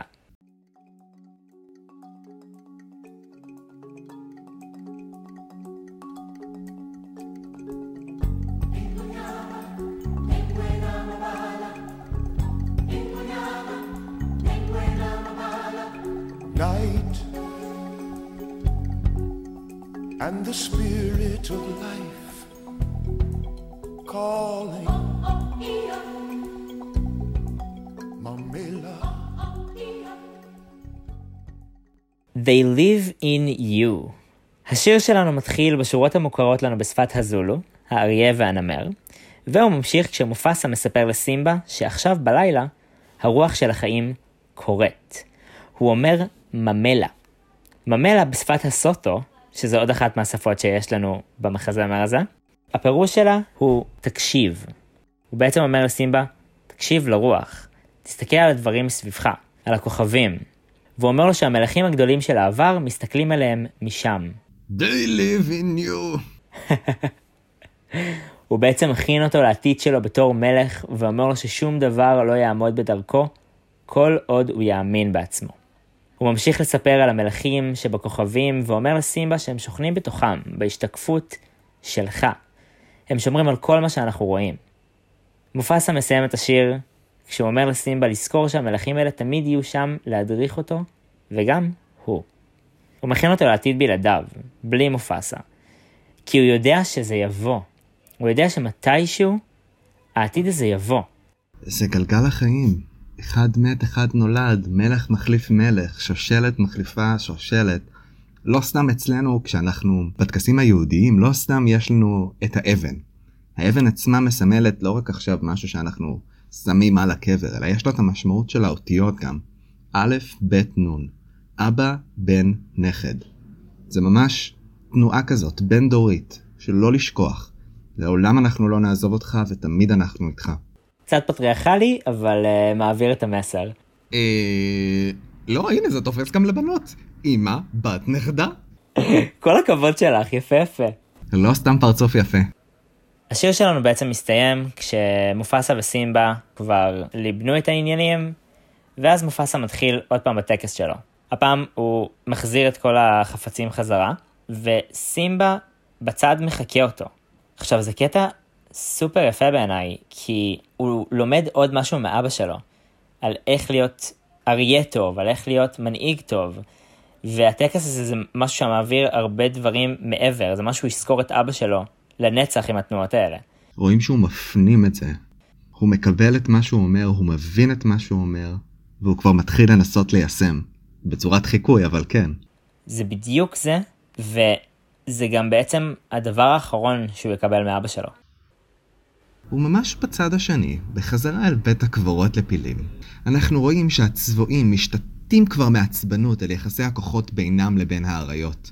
סקאר אומר את המשפט האיקוני I'm surrounded by idiots. אנחנו ממש רואות את יחסי הכוחות שבין סקאר לחבורת הצבועים. הוא יורד עליהם, מקנית אותם, על זה שהם אפילו לא הצליחו להרוג את סימבה ונאלה. כאילו, מה, שני כפירים קטנים? לא הצלחתם? אז הוא זורק להם חתיכת אוכל שהוצד, וכשהם מתנפלים עליו, בשיא גאונותם הרגעית, הם נותנים לו רעיון, והשיר מתחיל. Be prepared.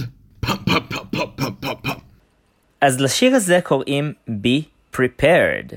תהיו מוכנים. מעניין למה. אז קודם כל השיר מתחיל נמוך ומחוספס. זה מאוד תורם לדמות המפוקפקת של סקאר. סקאר אומר להם להיות מוכנים, ואחד הצבעים שואל אותו, למה? למוות של המלך. אנחנו הולכים להרוג אותו ואת סימבה. והם בהתלהבות. No king, no king, נה נה נה נה no king. אומר להם לא מטומטמים. עדיין יהיה לכם מלך. אני. הוא מושך אותם להיות תחתיו, תישארו איתי, ולעולם לא תירבו שוב. You won't get a sniff without me. הוא בעצם משחד אותם, הוא גורם להם להאמין בו. ואז המוזיקה פתאום משתגעת. היא נהיית מאוד שבטית, פראית, קצת אולי אפילו קרקסית. והם פשוט קופצים ורוקדים לאורך כל הבמה, וסקאר יושב על כס המלכות שלו, ומשועשע מהעניין, הם פשוט עושים הצגה לפני המלך, הביאו את הג'סטרים לחגוג. עכשיו, בדיוק על החלק הזה אני רוצה להתעכב. עכשיו, באמת בסרט אנחנו רואים אותם צועדים, ואני חייבת להגיד, לעוד מישהו זה מזכיר נאצים? באמת, יש לנו את הצעידה עם היד מושטת למעלה. יש לכם את זה בקצת יותר מעודן? כאילו ממש רצו לגרום לנו להרגיש שסקאר ו-his minions הם התגלמות הרוע. ממש כמו מצביע צבאי דיקטטורי. באמת, אחד כזה שמלהיט את הצבא בהפקודים שלו, אך ורק בשימוש בשנאה ופחד. אנחנו נגד. לעומת כולנו יחד תחת גלגל חיים אחד, מה שנקרא. הרי בסופו של דבר יש שני צדדים לכל גלגל. פעם מישהו למטה ופעם מישהו למעלה. ממש כמו תחתית פירמידה. ומי שבלמטה, הרי לא מרגיש שמתייחסים אליהם בכבוד, הם מרגישים כאילו הם גוועים ברעב, והנרטיב האישי שלהם הוא לשרוד. בשלב מאוחר יותר, באמת אנחנו רואים שכשהם עולים לשלטון, אז בעצם הם מנצלים את הכוח שלהם עד תום, הם הורגים את כל מה שבסביבה שלהם וצדים בלי הפסקה. הם ממש לא מאפשרים לגלגל החיים להתחדש. הם לא נותנים זמן לטבע להתאושש. אין מספיק זמן ללידה חדשה, ובגלל הציד המוגזם שלהם, גם החיות בורחות. ואז משהו משפיע גם בסופו של דבר על הצמחייה שמתה, על הסביבה עצמה שהופכת להיות, הם ממש גורמים לסביבה להיות בית קברות לפילים. בלי שום דבר.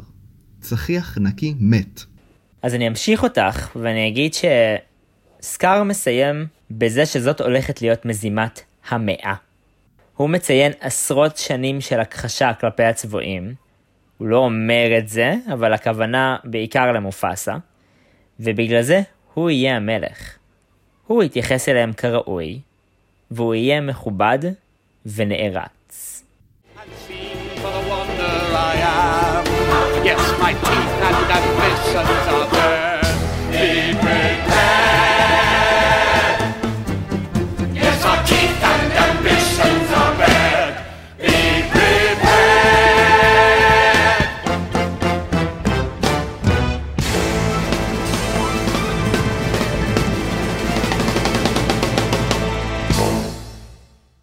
ומכאן אנחנו חוזרות אל החבורה שלנו ב Pride Land. זזו נמצא עם מופסה, והוא ממש מצטער על התקרית שהייתה עם החוליגנים הקטנים, נאלה וסימבה כמובן. הוא אומר ששרבי ביקשה ממנו לעשות בייביסיטר והוא ציית לה רק כי היא הבוס. ואז מופסה דופק לו מבט רצח. What? הגרון של זזו פתאום מתמתח ומתרומם גבוה גבוה, ואתם רואים אותו בטון אה, צייצני ביותר אומר, I mean, you're the big boss. מסתבר שסרבי מתעקשת שמופסה יפטר את זזו, או במילים אחרות, off with his head. מי אמרנו שהבוס כאן? כי נראה לי ש... שזה קצת סרבי מאשר מופסה. מאחורי כל גבר חזק עומדת אישה חזקה הרבה יותר מה שנקרא. בול מה שרציתי להגיד. זזו מתחרפן, הוא מאבד את זה, הוא מתחנן למופסה, ואז מופסה במבט סופר רציני אומר לו שהוא צחק.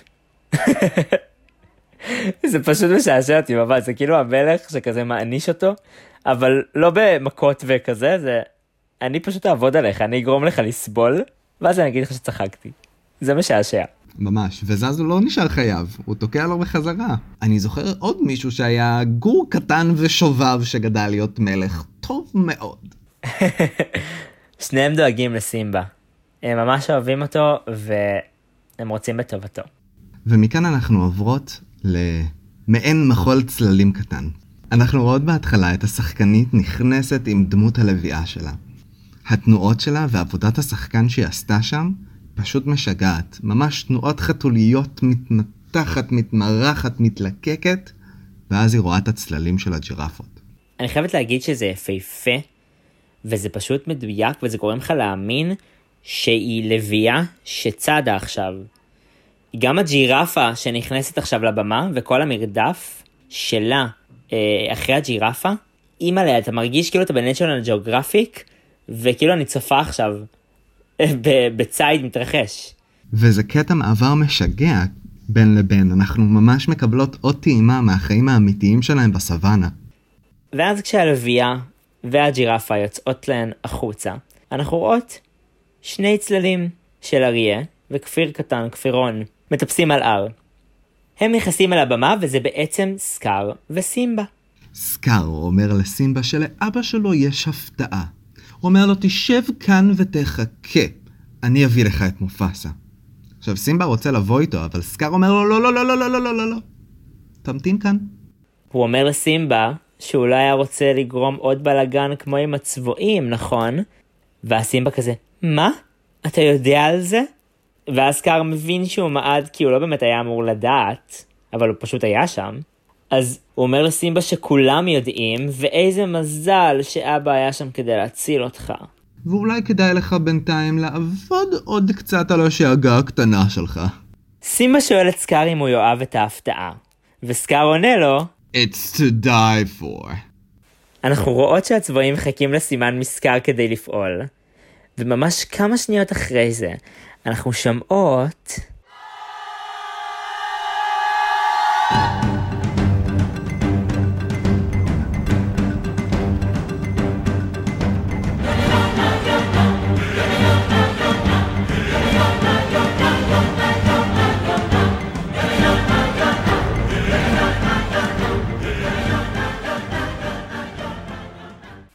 וואי, המוזיקה של השיר מכניסה אותי לסטרס. זה פשוט לא אמיתי. אני לא מבינה מה זה מעורר אצלי, אני, אני, אני לא יודעת, זה פשוט... כל הגוף שלי נכנס לחרדה עם זה, שאני ממש מבינה שזה גם מה שסימבה מרגיש. פתאום הוא מתחיל לשמוע ולהרגיש את הרטט באדמה של כל האלפי גנועים. כמה שאני אוהבת אותך, כמה. כמה? מפה ועד לסוואנה. אני אזכיר שבפודקאסט הקודם שלנו דיברנו על מוזיקה כפרטנר. אמנם זה לא מבחינת שירה כאן, אבל אנחנו לגמרי יכולות להרגיש את סימבה בתוך הדבר הזה. זה בדיוק כמו אלפבא ודפיקות הלב שלה ב-The Wizard and I, אז זה בול אותו דבר כאן, רק שפה זה לא דפיקות של התרגשות, זה דפיקות של פחד, זה דפיקות של אני הולך למות, הוא בורח, הוא נס על החיים שלו. ובעצם אנחנו באמת רואות עדר של גנו רץ לעבר סימבה. סימבה המסכן מבין מה קורה כאן, והוא מתחיל לברוח. הוא מנסה למצוא את הדרך כדי שהוא לא יירמס. אנחנו שומעים את העדר של התאואים מאחורה, שר לו, הנה זה בא, הנה זה בא, הנה זה בא. כאילו הכוונה כאן כמובן לעדר שמגיע ושועט לעבר סימבה, אבל זה ממש מסמל לנו גם את, ה, את הנקודה הזאת של הנה זה מגיע. עוד רגע מגיעה הנקודה שבה כרגע יש לנו טרגדיה. עוד רגע הולך לקרות משהו. אנחנו רואות את מופסה וזזו מדברים, והם פתאום קולטים את העדר, ושסימבה שם למטה, ומופסה פשוט לא חושב פעמיים, הוא פשוט רץ להציל אותו. ואז סימבה קופץ על ענף, או יותר נכון, הוא עף לענף. Define gravity someone?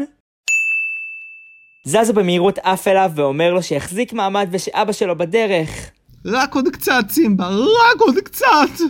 מופסה מגיע, קולט את סימבה, מוציא אותו משם, אבל הוא מתקשה לצאת בעצמו. והעדר שלנו שר בסוואילית, אבא או אבא שלי. אנחנו רואות שמופסה מנסה לטפס על הצוק, או אלכוהוליסה. וממש כשהוא מגיע ל peak, למה שנקרא ב extreme ninja challenge, להר המידוריאמה. פתאום סקאר מופיע. סקאר? עכשיו, זה אח שלו, הוא מתחנן רגע לעזרה, תפוס את היד שלי, תן לי, תן לי, רק תרים אותי, תמשוך אותי טיפה, אני לא מצליח. וסקאר תוקע בו באכזריות את הטלפיים שלו ואומר, Long live the king. That mother... הוא משחרר את האחיזה של מופסה, והוא פשוט נופל לאט לאט אל העדר השועט, ולאט לאט הבמה גם נצבעת באדום, ואנחנו מבינים שמופסה מת.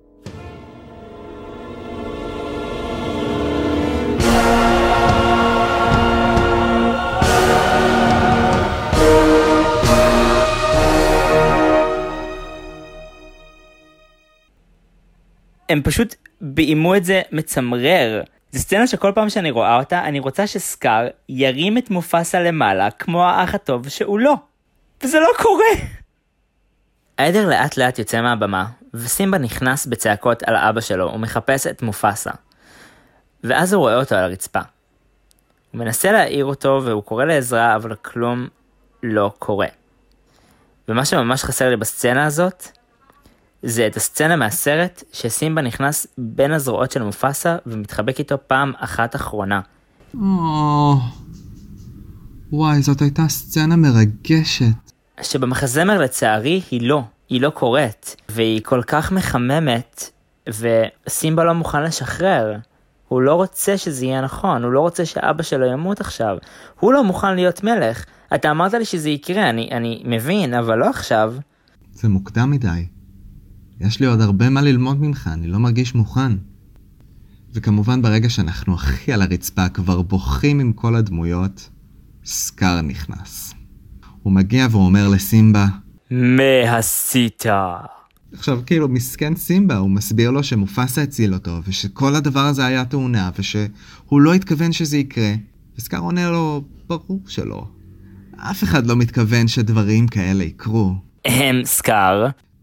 סקאר מתחיל להרעיל את המוח של סימבה. הוא אומר לו שהמלך מת, ואלמלא הוא, כלומר סימבה, מופסה עדיין היה חי. מה אימא שלך תחשוב? מה, מה השבט שלך יחשוב? מה, מה כולם יחשבו? מה נאלה תחשוב? סימבה פתאום מבין את הסיטואציה, והוא שואל את סקאר מה לעשות. וסקאר עונה לו, תברח ואל תחזור. אז סימבה באמת ילד קטן, הוא לא מבין מה קורה, אבא שלו כרגע מת, הוא בטוח שזאת אשמתו, שכולם יכעסו עליו, אז הוא בורח. הוא בורח וסקאר לא מסתפק בזה. הוא שולח את הצבעים כדי שיוודאו הריגה.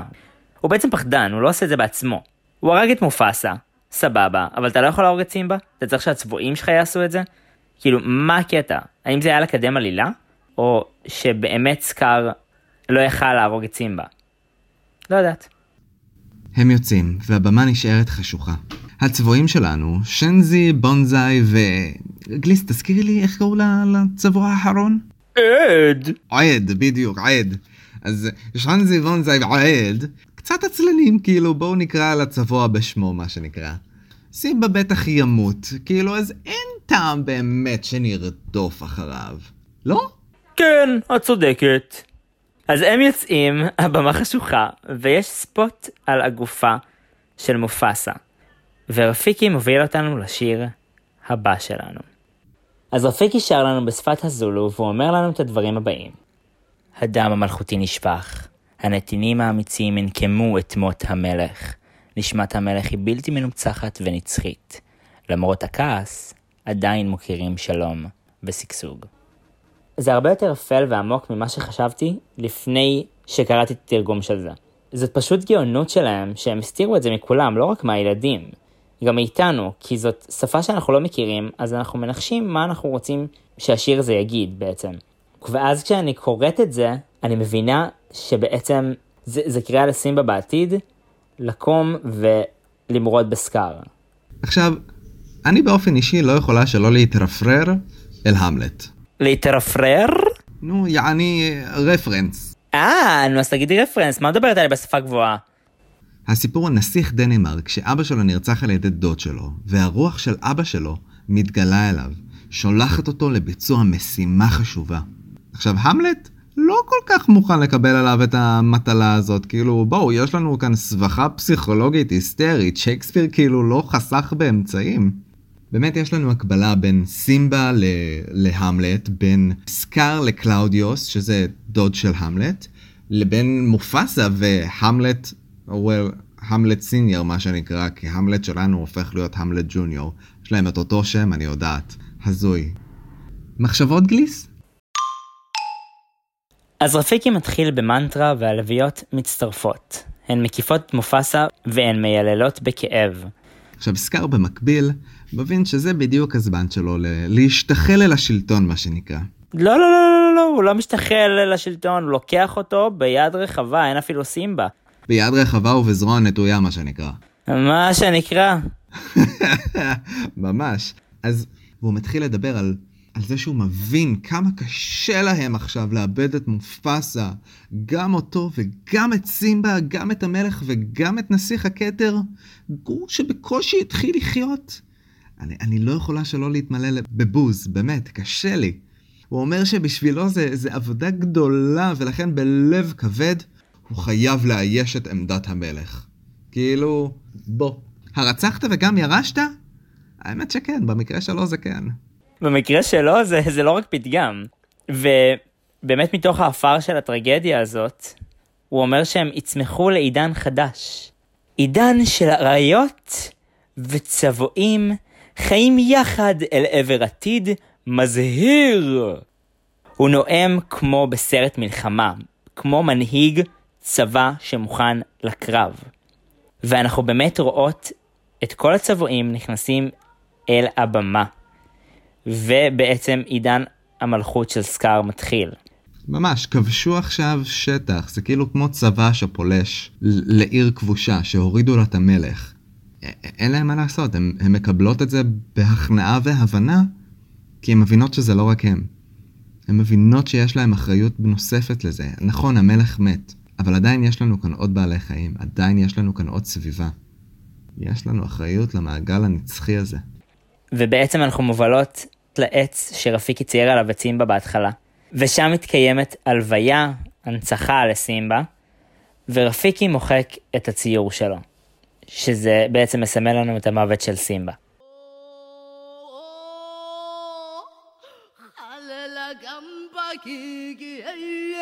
Yeah yeah Alela gamba bua hey yeah la Alela gamba kiki hey yeah yeah Alela gamba bua oh yeah yeah Alela gamba oh yeah oh yeah yeah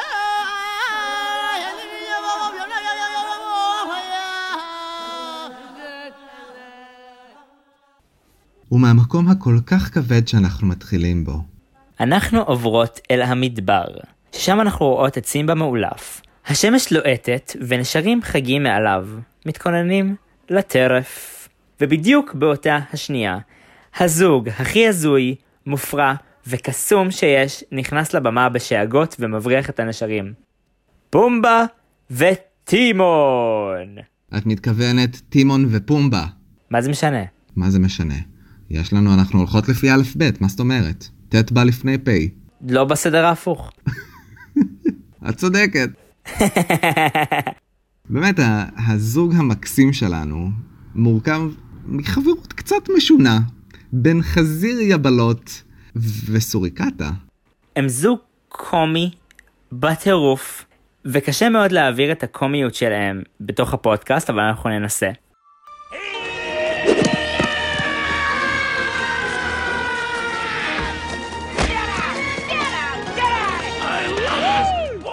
Buzzards. Gets them every time. אז פומבה מוצא את סימבה, שוכב ככה מאולף, וטימון מגיע ורואה שזה אריה! אה! הוא נלחץ והוא רוצה לברוח, אבל פומבה לא מתכוון להשאיר אריה חמוד ככה לבד, והוא שואל אם אפשר לשמור אותו, כמו אריה מחמד כזה. Pumbaa, are you nuts? You're talking about a lion. Lions eat guys like a. חייבת להגיד שהאמפתיה של פומבה מדהימה. זה, זה מדהים, בואי נתחיל מזה שזוג חברים שפשוט מטיילים להם, רואים מישהו במצוקה, והאינסטינקט הראשון שלהם זה ללכת לעזור. הם הבריחו את כל הציפורי טרף האלה, אוכלי הנבלות משם, ופתאום כאילו הם, הם עוצרים רגע, ואז הם פתאום קולטים שזה אריה בכלל, ואני מבינה למה הוא נלחץ. בוא, כאילו, הם מצילות בדרך כלל חברים, fun, הכל fun וטוב, אבל לא, זה, זה, זה מישהו שיכול לאכול אותי. Maybe he'll be on our side. That's the stupidest thing I ever heard. Maybe he'll be. Hey, I've got it. What if he's on our side? You know, having a lion around might not be such a bad idea. מישהו דיבר על אה, אימוץ אצל זוג הומואים? מישהו? משהו? בקיצור, הם מעירים את סימבה והם שואלים אותו, ילד, של מי אתה? מה אתה עושה פה? למה אתה לא בגן מתי? תסתפק. אני מת עליך, לא יכולה, אני מת. ופתאום אנחנו רואות את הקומיות האדירה של טימון. הוא זורק בדיחה מצחיקה, צוחק בעצמו, שם יד על סימבה, ופתאום הוא משנה גם ל mode רציני. הוא וירטואוז והוא דמות מדהימה. הוא יודע איך לגשת לאנשים, יש לו, יש לו את ה extra something הזה. אלוהים פיזר עוד קצת מהחומר הטוב הזה כשהוא יצר את התבנית שלו. של לתקשר עם אנשים, ובאמת להצליח להוריד את המגננות ו- ולהשכיח טיפה את הפחדים, וממש להיות שם בשביל הבן אדם. אני לחלוטין מסכימה, והוא גם שואל את סימבה שאלות של כזה מאיפה אתה ומה אתה עושה, אבל סימבה לא רוצה לענות או לגלות להם מה קרה, הוא פשוט אומר להם שמה שהוא עשה היה נורא, והוא לא יכול לחזור. הם שואלים את סימבה אם יש משהו שהם יכולים לעשות, והוא עונה להחזיר את הזמן לאחור. If I could turn back time. הם כמובן לא יכולים, אבל הם מייעצים לו לשים את העבר מאחוריו. שזאת מחשבה מאוד בוגרת של טימון ופומבה כי הם מתנהגים כמו ילדים, אבל בפועל הם המבוגר האחראי בסיטואציה. עכשיו לא בטוח שלשים את העבר מאחוריך זה הדבר הכי טוב לעשות, אבל לחלוטין הם נותנים לסימבה דרך להמשיך לחיות כרגע. הם נותנים לו את המקום שלו רגע, כדי למצוא את עצמו מחדש. אנחנו יכולים לזהות את האנשים האלה בחיים האמיתיים שלנו, אלה שכל כך overwhelmed מהחיים עצמם, שהם פשוט מחליטים, לא, לא, לא, לא תודה. No worries for me, אין אחריות בשבילי, תודה רבה, אני את מה שאני חייב עשיתי, שלום להתראות, חפשו אותי בסיבוב, אני קודם. מה שנקרא, אקונה מטאטה. It means no worries for the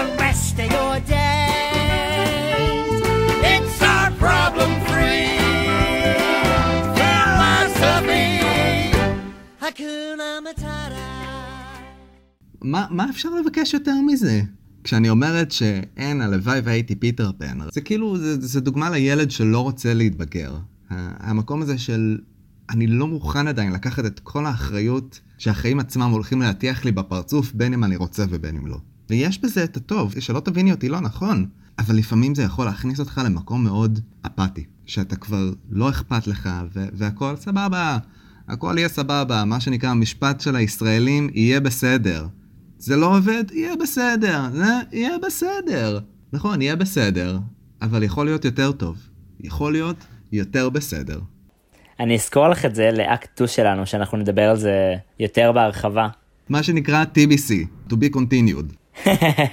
אז טימון מנסה ללמד את סימבה לקח לחיים, אקונה מטאטה, שבעצם המשפט האיקוני הזה שכולנו מכירות, הוא בשפה הסוואילית, ובתרגום חופשי לאנגלית, שזה גם מה שטימון ופומבה אומרים לנו, משמעותו אין דאגות. וזה שיר כל כך כיפי, והוא שונה לגמרי מהאבל חווינו סצנה לפני. Hakuna Matata? Yeah, it's our motto. What's the motto? Nothing. What's the matter with you? טימון ופומבה לוקחים אותו לסיבוב דאווין, מה שנקרא, בג'ונגל, ומראים לו את הסביבה. מראים לו מי עושה מה, איפה מוצאים את כל האוכל, איזה נשנושים יש, כאילו בואו, הנשנושים שלהם קצת שונים מהנשנושים שהוא רגיל אליהם. כי איזה אריה אוהב ללחך לעצמו אה, תולעים, רימות ושאר ירקות. אבל מסתבר שהם, והוא לאט לאט אה, מבין שוואלה, האחיך האפריקאי המפונפן שלו, שרגיל לסטייק, לבשר, פתאום מבין של וואלה, זה טעים לי גם. זה לא כזה נורא. בתכלס הם אומרים לסימבה ששתי המילים האלה יפתרו את כל הבעיות שלו, אבל הם לא יודעים כמה בעיות יש לסימבה. וזה שהוא לא ידאג מהן, לא אומר שהן ייפתרו. טימון מסביר לו שכשפומבה היה חזיר יבלות צעיר, וואי, אני חייבת רגע, הוא שר ממש בסגנון אופראי כזה, והלשון שלו נמתחת ממש החוצה וזזה. הקטע הזה בבובה, וואי, הוא מטורף. סליחה, תמשיכי. אנחנו חוזרות לידיים המתות שלהם בסוף כל הופעה. בדיוק זה, הם כאילו נותנים לנו את האקסטרה עם עוד דובדבן בקצפת. הוא שר, וואי, אני חייבת רגע, הוא שר ממש בסגנון אופראי כזה, והלשון שלו נמתחת ממש החוצה וזזה. הקטע הזה בבובה, וואי, הוא מטורף. סליחה, תמשיכי. אנחנו חוזרות לידיים המתות שלהם בסוף כל הופעה. בדיוק זה, הם כאילו נותנים לנו את האקסטרה עם עוד דובדבן בקצפת. אז פומבה היה חזיר יבלות צעיר, והוא היה מאוד מאוד מסריח, ואף אחד מהחברים שלו לא עמד בכיוון של הרוח, כי הם לא רצו להריח אותו. והוא אפילו חשב לשנות את השם. את יודעת, אני לא מבינה את זה. כאילו, לא יכלת פשוט לעמוד בכיוון השני של הרוח? כן, אבל הוא גם תמיד מפליץ, אז זה לא משנה איפה את עומדת, זה פשוט מגיע אלייך. סורי, I just farted. מפה לשם, סימבה מצטרף אליהם לשירת האקונה מטאטה. פתאום אנחנו רואים את סימבה הצעיר מזנק החוצה, ואת סימבה הבוגר שנכנס, כמו טרזן האמת, קצת לבמה. והנה, קפצנו כמה שנים קדימה, בשנייה וחצי. איזה יופי שאפשר לעשות את זה על הבמה. אני מתה על time skips, זה כזה כיף. ובדיוק כמוהם שיוצאים להפסקה קלה ללא דאגות עם סוף המערכה הראשונה. גם אנחנו שולחות אתכן להפסקת תה, קפה, שוקו, סיגריה, או לא סיגריה, אם אתם לא מעשנות. כי בזאת מסתיימת המערכה הראשונה שלנו. ואיתה, גם החלק הראשון של הפודקאסט שלנו. אז תודה רבה לכל מי שהאזינה לנו. או האזין. אז ניפגש בפעם הבאה עם המערכה השנייה של The Lion King, בשידור הפודקאסט שלנו, ברודוויי בסלון. בסלון. עם גליסנדו ו... טקילה קוסטר. להתראות אהובות. ולמי שנשארה עד עכשיו, קבלו את הקילה בהדרן. אז בואי נשב ונדבר מסכות. אז בואי נשב ונדבר מסכות. בואי נשב ונדבר מסכות. בואו נשב ונדבר מסכות. בואו נשב ונדבר על המסכות, כי המסכות מכסות את הפנות.